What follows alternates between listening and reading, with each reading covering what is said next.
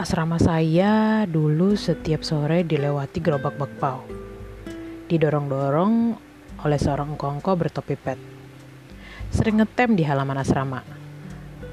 Menunggu-nunggu pembeli, padahal anak asrama jarang ada yang beli. Pertama karena harganya dianggap cukup tinggi untuk ukuran kantong mahasiswa. Kedua, menurut saya bakponya kurang enak isinya. Buntel-buntel bakponya dipajang di rak kaca pelentungan-pelentungan putih yang berjejer rapi sekali. Singko menyediakan hanya dua isi, daging dan kacang. Kacang saya nggak suka. Dagingnya kurang rasa atau apa? Kurang asik dimakannya. Saus sambelnya saja yang lumayan. Bisa menutup rasa yang kurang pada baponya. Saus sambelnya sudah di plastik-plastik dengan plastik yang biasa dipakai untuk es mambo. Terkemas rapi sekali, tidak satu pun yang kempes atau kedodoran. Sama panjang, sama banyak isinya. Pasti ditakar dulu, diikat rapi di kedua ujungnya. Kantong kertasnya pun kelihatannya dibuat sendiri, sama rapi. Lipatannya sempurna, ditumpuk di dalam lacinya. Tidak ada merek, hanya kantong kertas putih biasa saja, tapi rapi nian. Gerobaknya bersih, berkilau, yang sambil menunggu pembeli masih juga berulang-ulang dilapnya. Pasti dia membersihkannya setiap hari. Kacanya begitu bersih hingga orang bisa tidak tahu itu kaca. Lalat bisa tergelincir bila hinggap. Bersih sampai ke pojok-pojok bingkainya. Sempurna. Juga si engkonya. Kupikir sebelum mendorong gerobaknya si engko mandi dulu. Berdandan, bajunya selalu rapi, putih warnanya. Ujungnya diselipkan ke dalam pinggang celana panjangnya, ditahan dengan ikat pinggang. Sepatunya sepatu karet putih. Di balik topi petnya, kupikir kepalanya gundul. Si engko dan gerobaknya seperti bisa jadi contoh untuk para penjajah kaki lima. Untuk kebersihannya, kerapiannya, prepare-nya. Terkadang saya turun untuk membeli, bukan karena ingin makan bakpaunya, tapi hanya karena kasihan.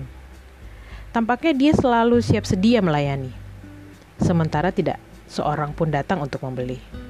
Dia hanya berdiam diri, sendirian di samping gerobaknya. Seperti kesepian. Kadang berpura-pura sibuk mengelap gerobaknya yang sudah bersih. Setiap melihatnya berdiri dengan salah tingkah di samping gerobaknya, saya berharap ada orang yang datang membelinya kalau bukan teman-teman asrama, orang lain, siapa sajalah. Tamu asrama atau orang lewat.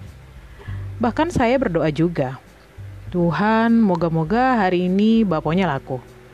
Tapi Tuhan bilang, dia sudah mengirim saya untuk melakui bapaknya. Saya bilang pada Tuhan, tapi bapaknya tidak enak Tuhan.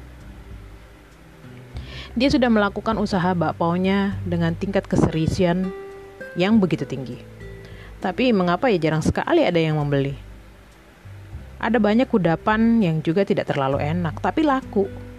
Beberapa malah mengherankan. Rasanya sama sekali tidak enak, tapi dikerumuni. Bila ada pembeli, oh dia senang sekali. Langsung seperti hidup, gerakannya gesit, sibuk membuka tutup panci besarnya. Mengambil bakpao dengan dua sumpit panjang dan memasukkan bakpao ke ke kepulan pancinya. Menyiapkan kantongnya, ditiup agar terbuka lipatannya.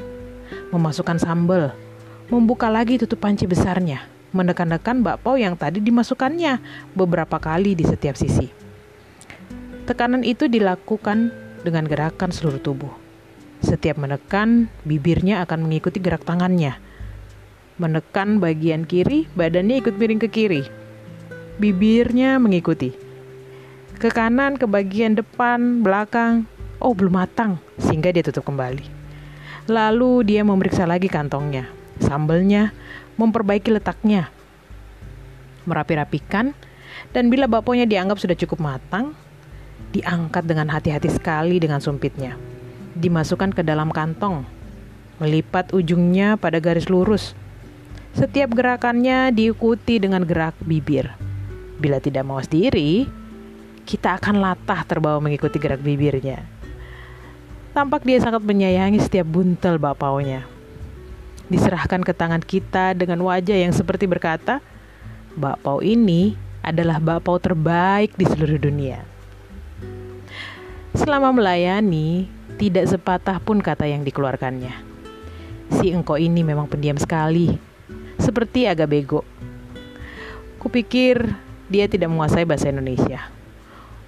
Mungkin orang Cina tembak langsung. Dari Cina atau dari Taiwan, entahlah. Sayang dulu saya kurang berani menabrak. Seharusnya saya menggali cerita di balik jualan bakpaunya. Mengapa dia jadi penjual bakpau? Apa yang terjadi kalau betul dia belum bisa berbahasa Indonesia, lalu harus berjualan bakpao di Indonesia? Pasti ada kisah tragis di belakangnya. Tapi sampai saat terakhir saya keluar dari Bandung, si engko tukang bakpao tetap mempertahankan haknya untuk pendiam. Lama setelah itu, bila saya menjumpai orang yang sangat mencintai produknya, menyikapinya dengan hati-hati dan penuh kasih sayang, saya bilang, "Kamu seperti tukang bakpao di asrama saya."